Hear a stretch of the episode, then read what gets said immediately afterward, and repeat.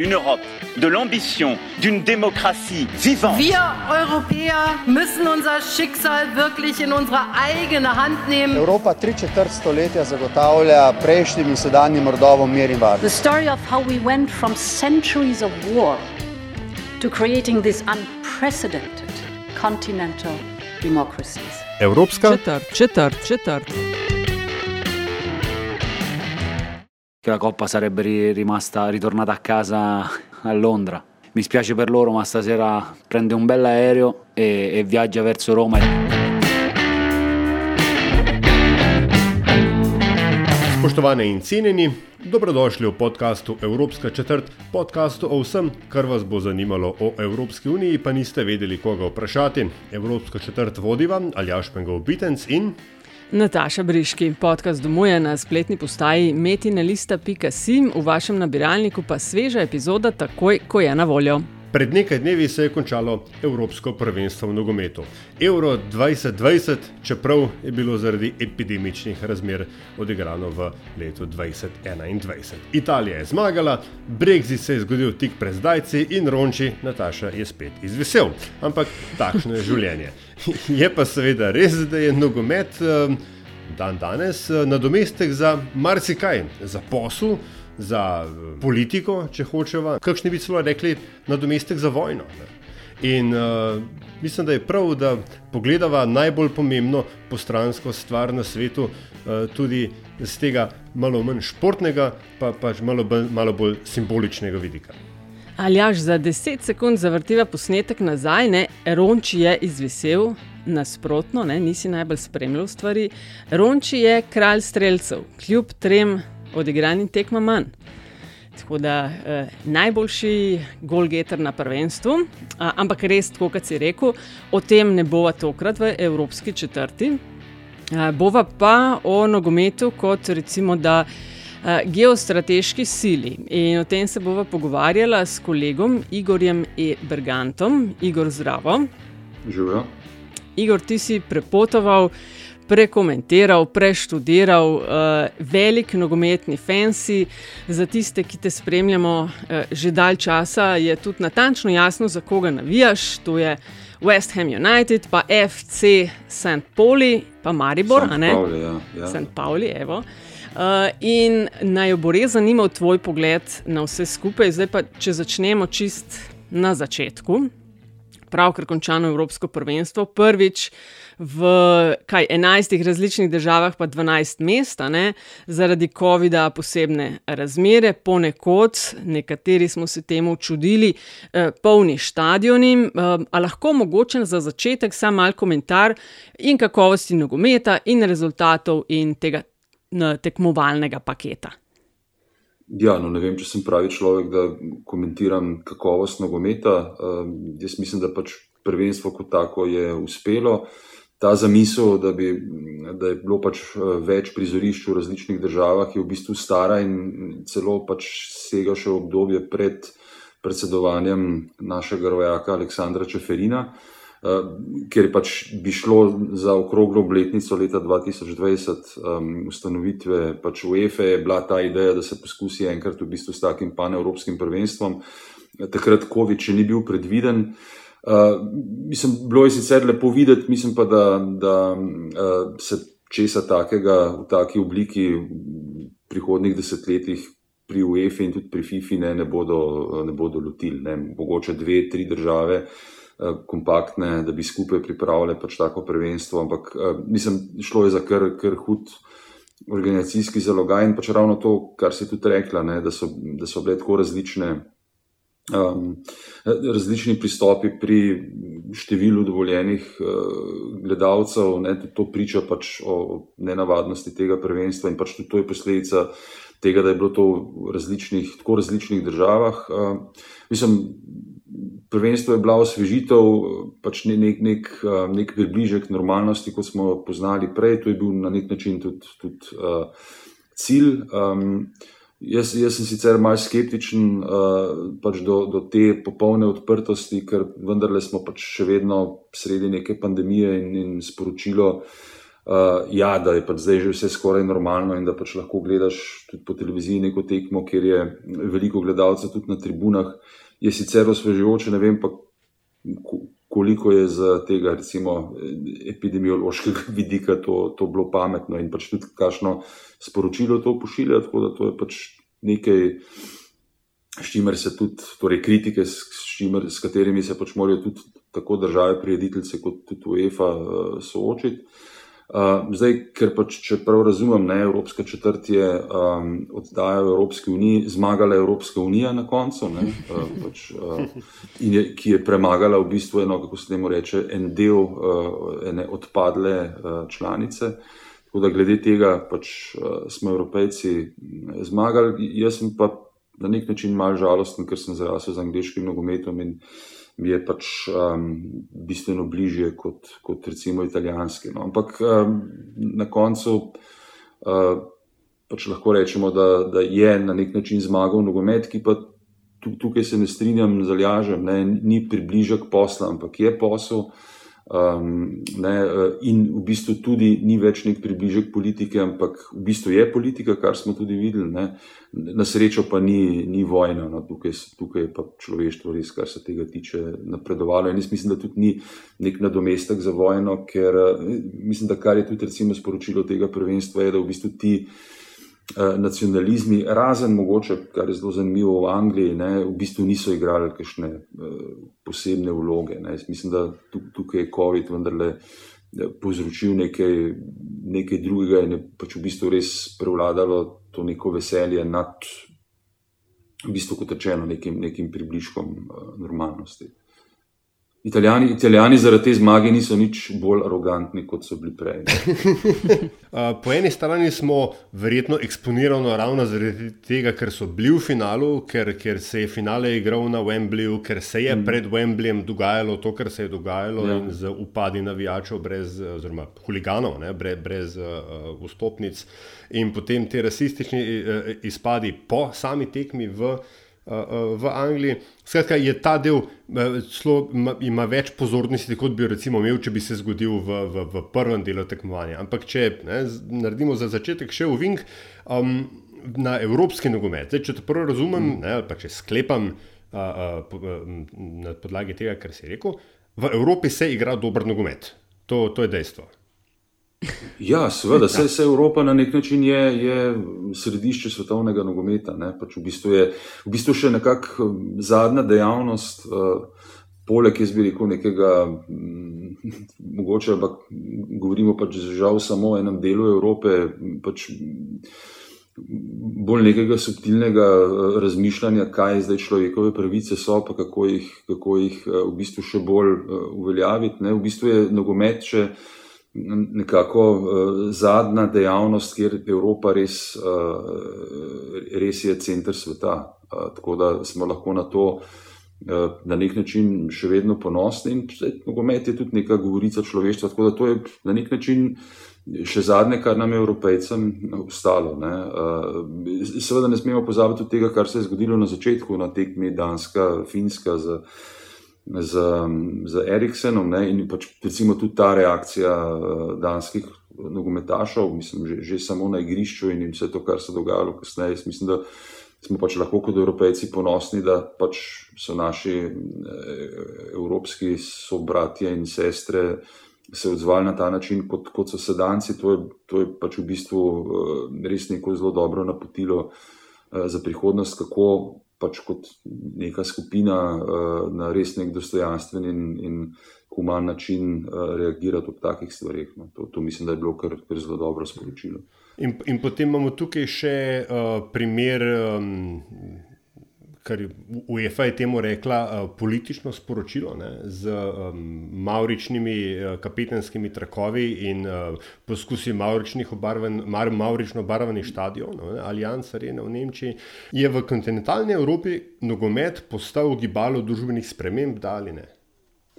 Mislim, ne samo v kontinentalni Evropi. No. Mislim, pač, nogomet je neka zelo priljubljena dejavnost in mislim, da je zelo pozitivno, da nogometaši, pa vse zadnje pač tudi nogometni klubi, nogometne zveze pač poskušajo na tem področju nekega družbenega ozaveščanja za pozitivne vrednote pač te ključne človekove pravice tudi, tudi to priljubljenost izkoristiti.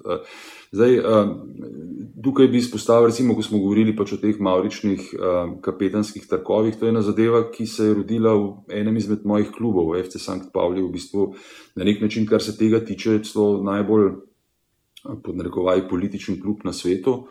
Pač zelo, zelo izrazito ima to, ampak izhaja pa to res v bistvu iz, iz um, navijačev. Ne, pač v bistvu ta um, izrazito antifašistični um, statement ne, in to, to pač negujejo, pač v smislu vsega, kar, kar iz tega sledi. Ne, pač, Proti rasizmu, proti homofobiji, proti mizogoniji, in tako naprej. In, in seveda, oni so bili prvi, ki so, ki so s tem začeli tudi. In to, to je pač zdaj postalo mainstream. Zdaj, um, pri, pri tem obarvanju uh, stadiona, ne, tukaj je prišlo do v bistvu nekega, um, kako se reče po slovensko, kleša, spravo do nekega trka. Uh, trka ne, uh, namreč, uh, tukaj je UEFA recimo tudi požela kar precej kritik, zlasti, zlasti v Nemčiji, ker pač ni dovolila tega, tega obarvanja. Mislim, uh, je, gre za to, da pač te um, športne organizacije, ki so seveda dejansko tudi, tudi velika podjetja ali pa, ali pa uh, nek sistem uh, kretničarski, pač uh, velikih poslov, ne, želijo v bistvu te, te svoje posle in, in um, sponzorje zavarovati pred kakršnim koli vplivom politike. Zdaj, to je na eni strani uh, razumljivo, zelo podobno recimo deluje tudi Mednarodni olimpijski komitej, se pravi v bistvu čisto nič političnih uh, sporočil, ravno zato, da se to pač tudi ne bi uh, zlorabilo uh, na drugi strani. Uh, tako da z tega vidika je bil pač odziv UEFA na nek način razumljiv. Izkazalo se pa seveda je, da, si, da pa v bistvu v tej, um, kako bi rekel, nedotakljivosti pa tudi uh, niso smeli iti uh, predaleč, ker je pač ne, se, se, zlasti recimo v Nemčiji uh, družbeno okolje spremenjalo toliko, da pač ta, taka nedorečenost. Uh, ali pa, ali pa res notorna neutralnost, uh, enostavno ne gre več skozi. Tako, tako da so se pač potem na to tudi morali uh, odzvati, uh, dovoliti, oziroma pač niso potem preganjali uh, teh kapetanskih trkov. Zastav z izjemo recimo v Azerbajdžanu. Eh, zanimivo je tudi ta primer, ne vem, če ste opazili, da, da, se, da se je potem ta marična barva eh, kazala tudi v eh, reklamah mm -hmm. nekaterih pokroviteljev, mm -hmm. ampak ne, ne pa v Azerbajdžanu. Uh, tam, tam, pač to, tam je pač UEFA to, to preprečila. Ne, to, to seveda tudi kaže in, in je tudi nek, nek odgovor, ne, uh, da seveda um, pa tudi veliki sponzorji, uh, ugotavljajo, da pač ne morejo več uh, opravljati svojega posla, uh, če, um, če na nek način se ne odzovejo tudi na, na te um, aktualne družbene dru, dru, dru, tako družbene spremembe pač v nekaterih. Delih sveta, in da je to v bistvu ta nesterilnost, v bistvu slabo za posel. To, to je nekaj, kar pač v bistvu očitno nekateri politiki, zlasti na vzhodu Evrope, ne razumejo, ne, da v bistvu oni delajo proti nekemu poslu, sej eh, pač ne glede na to, da pač iza teh poslov, po njihovem mnenju, stojijo razno razni lobiji, zarote in tako naprej. Ne, oni to pač poskušajo razložiti na, na nek, mislim, da je pač to neka uh, lepa drža, ne, ampak na, na koncu vidiš, da ne, da, da v bistvu dejansko delujejo proti, proti nekemu eh, razvoju, celo tudi eh, gospodarskemu. No, ampak to, to je bil pač en zanimiv, zanimiv element in tukaj, tukaj se vtegne še, še marsikaj dogajati v prihodnem času. Zanima me, recimo, kako, kako bo to na svetovnem prvenstvu v Katarju prihodne leto, kjer, kjer vemo, da recimo z. z eh, človekovimi pravicami in zlasti recimo pravicami uh, delavcev, zlasti tujih, v tej državi, ki so recimo tudi zgradili vse te stadione, ne, da, da imajo pač, uh, rekel, kar, kar um, ne preveč sodobne poglede. Tako da bomo videli, kako bo, kako bo s tem, kar se pa tega rasizma tiče, pa tudi lahko še kaj rečemo za Anglijo, ker pač je sicer na, na nek način britansko specifično, ne pa samo, ne sploh, ko gre recimo za to klečanje. Mm -hmm. um, ja, Igor, na kakšen mesec, dva. Še preden uh, se še malo lotimo tega rasizma, kakšen mesec, dva je bila uh, pred Evropskim prvenstvom v nogometu Eurovizija. Zdaj, iz tega glasbenega tekmovanja uh, se vse jaz med drugim spominjam tudi, pa ne samo iz letošnje iteracije, ampak uh, tudi prejšnja leta, da se do neke mere tudi bratsko ali pa sestrsko podeljujejo točke. Ne? Mm. Da se da malo identificirati neke bloke, ki skupaj držijo. Uh, A kaj, je, kaj nam je tokratni EP v nogometu pokazal? Kdo je s kom, kdo proti komu? Recimo enega od blokov, ki sem ga jaz opazila, pa me komod popraviš ali pa dodaš karkoli k temu, je bilo ravno to uh, klečanje, recimo, ki si ga tudi omenjal. Da so te bolj zahodnoevropske države, so nekateri igravci, pa nekatere celotne ekipe to počele v znak podpore eh, Black Lives Matter gibanju. Ne. Na tem vzhodnem delu Evrope pa je bilo tega veliko, veliko manj. Ja, sej, če sem jaz to prav videl, mislim, da v bistvu so samo uh, te um, tri britanske reprezentance klečale. Ne, ne vem, če sem. Uh, bila je ta tekma v polfinale, recimo uh, Anglija, uh, Danska, kjer, kjer so pač klečali samo. Uh, Angleži, ne? vendar so pa Danci temu ploskali. Uh. -huh.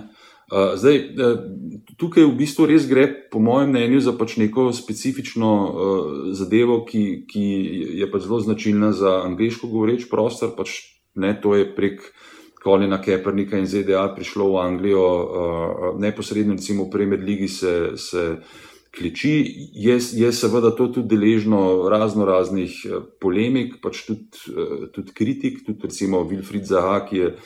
Uh, sicer igra za stano koščeno obalo, ki je nogometaš Crystal Palace, se recimo s takim načinom protesta uh, niti ne strinja več. Ne? Ampak problem recimo v Angliji je, da, da so pač gledalci na tekmah, tudi reprezentance, uh, vsaj en del gledalcev to spremljal z, z um, pač kako se temu reče, neodobravanjem oziroma z booing. In, in da recimo vladajoči politiki uh, ne, si v bistvu niso upali tega obsoditi, prav ta zga odnosa do, do klečanja. Uh, tako da, ja, mislim, tukaj so pristopi različni, mogoče pač tudi zato, ker seveda rasizem je posod, se moramo zavedati, seveda tudi v kontinentalni Evropi, ampak pač uh, Velika Britanija ima pa seveda posebno zgodovino glede tega in, in je pač to, to v bistvu tudi. Um, en odgovor, oziroma pač ne, ne, nek način soočanja z lastno, z lastno preteklostjo. Meni se to ne zdi problematično, niti da klečijo, niti da pač nekateri ne klečijo. Bolj pomembno je pač. Kaj, kaj se dejansko dogaja, in vse to, kar se je recimo zgodilo po finalu, ne, in, in ti, ti res primitivni in, in nagnusni napadi na, na pač nekatere nogometaše, kažejo, ne, da v bistvu to klečanje absolutno ima smisel, ker, ker je to, to še vedno uh, žal pač, uh, zelo razširjeno v družbi, pa na drugi strani tudi, no, ker jaz sem velik fan Markusa uh, Rašforda, tudi čeprav pač z meni Unitedom nimam nič. Uh, ne, to je pač za mene ta trenutek največji nogometaš na svetu, mogoče ni, ni res najboljši. Uh, je pa sigurno eden izmed najboljših, ampak to, kar on počne pri 23 letih, ko, ko v bistvu se res angažira svojo priljubljenost in vse mhm. zadnje tudi bogatstvo, uh, dobesedno uporablja uh, in, in uh, deli za to, da pač uh, skrbi za, za družbeno zaveščanje, ko gre za prehranevanje uh, otrok v šolah, ko gre za uh, bralne klube. On, on je v bistvu ustanovil neke vrste britansko bralno značko, ker je pač. Uh, ta starodavna država ni sposobna uh, ustanoviti. Ne, mislim, da je odziv, odziv na, na to, kako je pač en del uh, podnarekovaj navijačev ga napadal in, in vse to, kar se zdaj dogaja, pač re, res solidarnost, ne samo v Manchesteru. Teh pač konkurenčnih klubov, ampak po celi Angliji kaže, pač, da v bistvu so Angliji zelo, zelo dobro razumeli, kako se tega lotiti. Oni so v bistvu, ko gre za rasizem, neke vrste uh, novodobni Nemci, kot so se pač Nemci s svojo preteklostjo iz druge svetovne vojne znali soočati nasprotju z mnogimi drugimi eh, državami. Tako da klečanje recimo dejansko ima smisel, zlasti v Angliji, popolnoma razumem, da pač to, ki je druge, eh, bi se mogoče zdelo eh, preveč posiljeno in uvoženo. Gre predvsem, gre predvsem za to, kako, kako se na to reagira posmehovanje, nekaj ga pa vidimo tudi, tudi v našem okolju, vsaj posredno, tudi celo na najvišjih političnih ravneh, je, pa, je pa zelo, zelo zgovorno. Ne. Tako da pač je žalostno, ampak sej ne, pa če bi rekel neke, neke obrobne skupnosti ali pa obrobni. Eh, politiki, provincialni pač reagirajo na tak način. Mal je pa pač, mogoče vse pač... skupaj tudi ogledalo časa, v katerem smo, ne? ko smo v porastu, ko je vse več voditeljev z avtokratskimi težnjami, ko se kot sveti populizem. Ne? Zdaj po tem finalu, ki so ga Angleži izgubili, če tudi so dosegli najboljši rezultat v zadnjih, ne vem, skoraj 60 letih, ne se je, tako kot si rekel, usulo na temnopolte eh, angleške nogometaše. Zdaj, spomnim se pa pred leti, pa ne vem, če lahko naredimo kakšno primerjavo. Se pravi, kot te, eh, ki imajo recimo eh, priseljenske korenine, ko, ne, ko mm. zadanejo, so vem, Angleži, so Francozi, ko ne zadanejo, so priseljenci, pa Arabci. Ne? Spomnim se tudi uh, primer Benzemaja v francoski reprezentanci. Ali pa na drugi strani nemška reprezentanca in uh, Ozul a sem prav naglasila. Özel. Özel, ja. Özel. Uh, a je to vse povsod več ali manj enako, da se zgodi, ali je vse en pri angliških na potenco vse skupaj malo hujše, ali pa se je mogoče celo po Brexitu in zadnjih petih letih, ko se pumpa nacionalizem, to še okrepilo? Mislim, da zagotovo pač se ta kampanja uh, v zvezi z Brexitom in vse to, kar se je dogajalo, ima verjetno pač tudi zvezo. Ampak mislim. Ja, lej, eh, začenja se vse pri športnih komentatorjih, recimo tudi v Sloveniji. Ne? Eh, kaj hočem povedati? Ne? Recimo, zelo tipično je bilo pač v mojem času, ne? ko je recimo, slovenska reprezentanca zmagovala. Ne?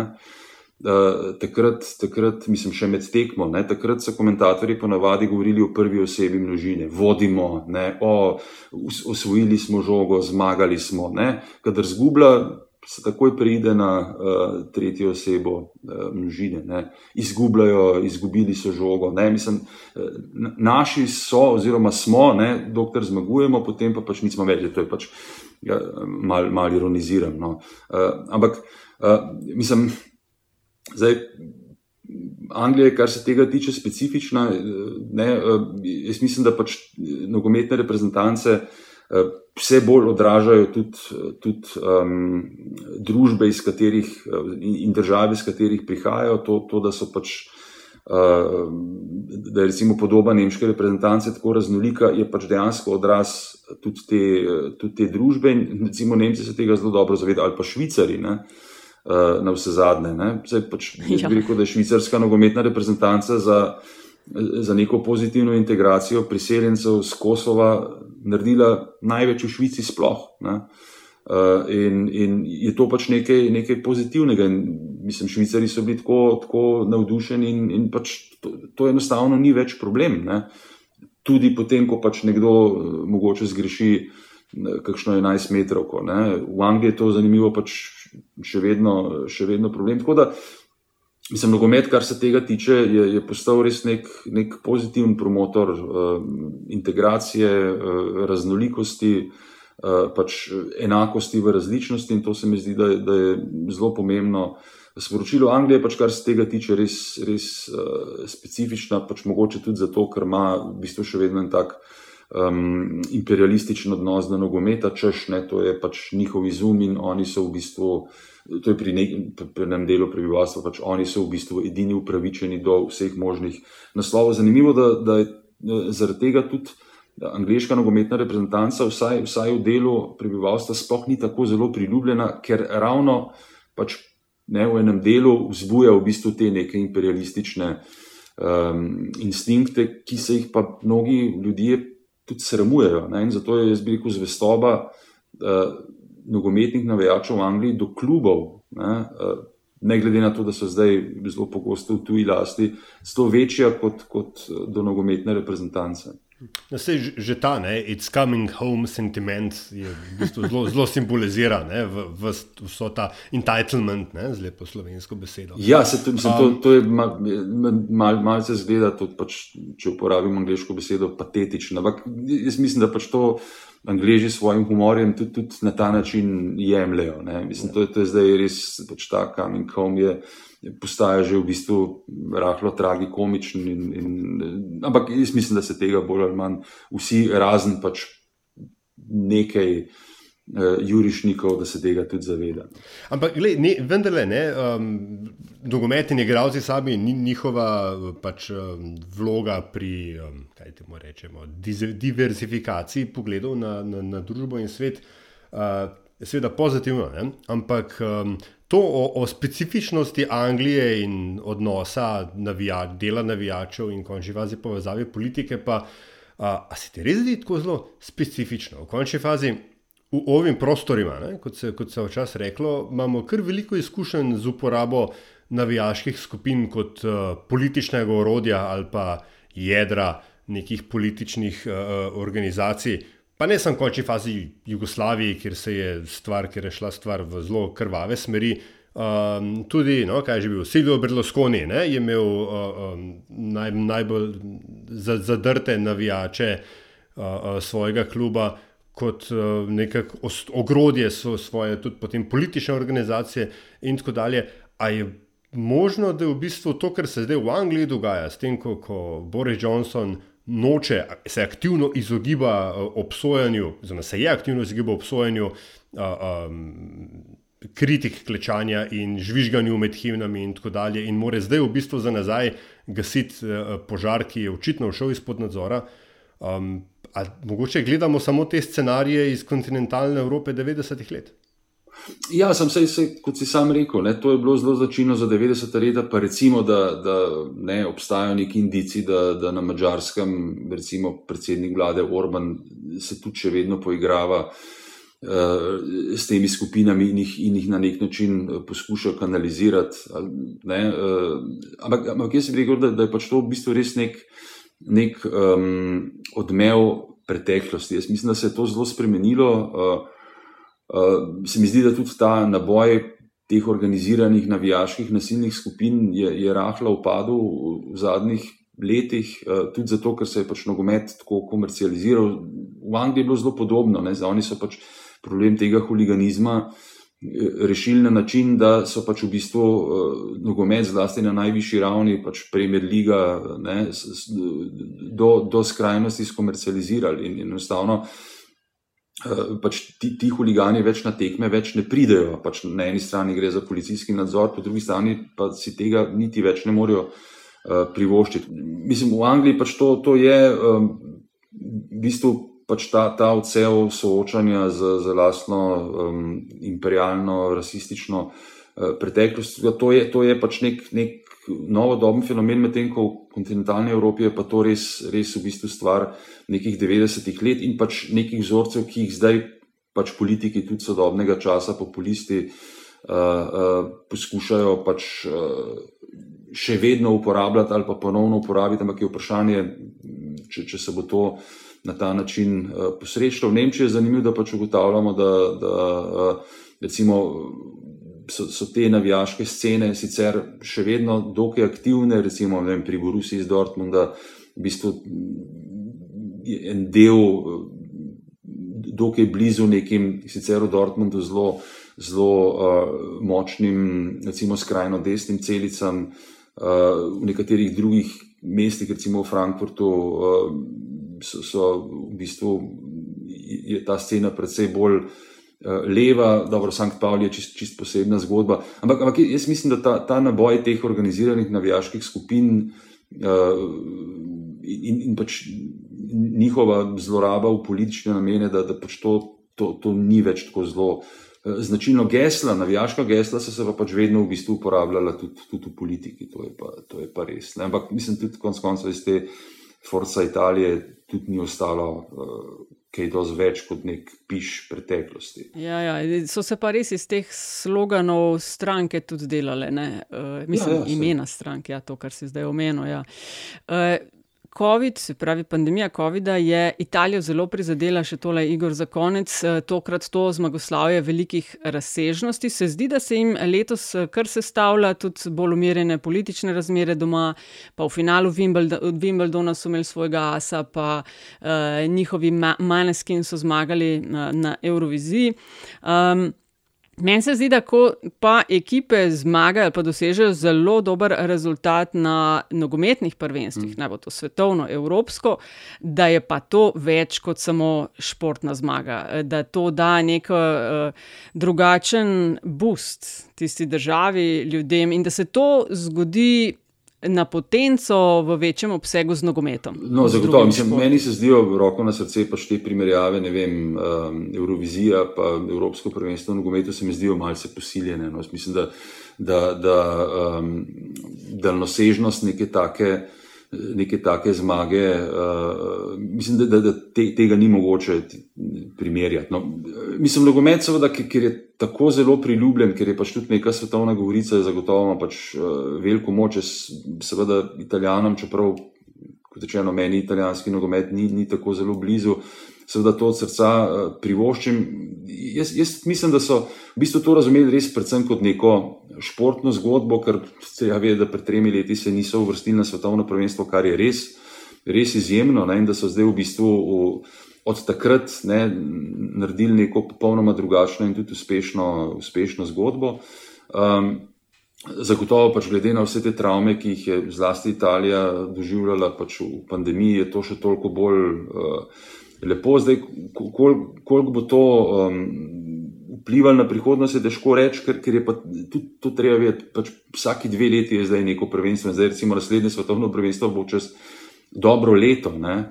In, in pač tudi, tudi ta frekvenca ja. je zdaj, mislim, ponudbe je že toliko, da je zelo težko uh, ohraniti pregled. Jaz bi rekel, celo, da, da recimo večji učinek ima to pri manjših uh, deželah, recimo na Danskem, še vedno je pač v bistvu ta uh, opredeljujoč trenutek v zgodovini danske nacije, pač to, da so oni leta 92 postali evropski prvaki, ker je pač bilo tako izjemno, ker je to tako redko. In, in recimo tukaj so se letos po dolgem času temu pač približali tudi seveda z, z vsem tem, kar se je začelo s Kristjanom Eriksenom, pa to res, res veliko uh, solidarnostjo in pač skoraj uh, pač športnim triumfom na, na koncu. Ne vem, ne vem če, če pač bo v Italiji to, to tako zelo uh, dolgo časa pač hranilo njihovo, njihovo uh, ljudsko dušo, ker, uh, kot rečeno, vse skupaj postaja malce bolj instantno, tudi z, z zelo veliko uh, ponudbo. Ampak ja, zdaj Italija je pač seveda tudi nogometna nacija in še vedno se vsi spomnejo pač Pavla Rosija in, in 92, recimo 2006, že mogoče celo malo manj, tam jim je pač gospod Zidan z. z z svojim uh, posegom v, uh, v um, materacijo telo. Pač, ne, mislim, pač potem se ljudje tega spominjajo. Ne. Um, ampak bomo videli. Jaz, jaz mislim, da smo lahko, pa neposredni sosedje Italijanov, kar veseli, da se je to zgodilo, ker pač zadovoljen sosed je, je v bistvu ena kar zelo dobra. Uh, Uh, mislim, da je boljša varianta kot nezadovoljen sosed, ker potem pač pride tudi mogoče kakšne neumne ideje. No, tako pa, če bodo uživali v tem in če jih bo to še dolgo časa pač, um, na nek način hranilo, uh, še toliko boljše. Mislim pa, da, da pač je kot rečeno to, to postalo že, že tako, tako instantno, da, da je dolgoživost takih uh, trenutkov sreče. Pač, malce krajša in vse, pač naslednji song contest bo pač v Italiji in tam verjetno Italija ne bo zmagala in potem bodo spet neki drugi in bo to pač rahlo odšlo eh, v pozabo. In z nogometom je mogoče malce drugače, ampak vse bolj postaje podobno. Igor Ebergant, najlepša hvala za ta klepet in da si bil gost eh, Evropske četrti. Ja, eh, hvala lepa, da ste me povabili in zdržali do konca. To je bila Evropska četrt, 74. podcast Vesolju. Hvala za vašo pozornost, predlogi, mnenja in vse ostalo, seveda, zelo dobrodošli. Hvala pa tudi za pohvale in kritike, ki jih delite z nama In ne nazadnje, res hvala za investicije, ki jih namenjate razvoju in produkciji naših vsebin. Še tole, avtor glasbene podlage je peli iz podcasta. Upravičujemo se za vse nevšečnosti. Če vam je vsebina všeč, bo pomagalo, da nas najde še kdo, če naj jo ocenite pri vašem izbranem podkastu ponudniku ali ponudnici. Eh, sicer pa hvala za vašo družbo in se spet slišimo k malu.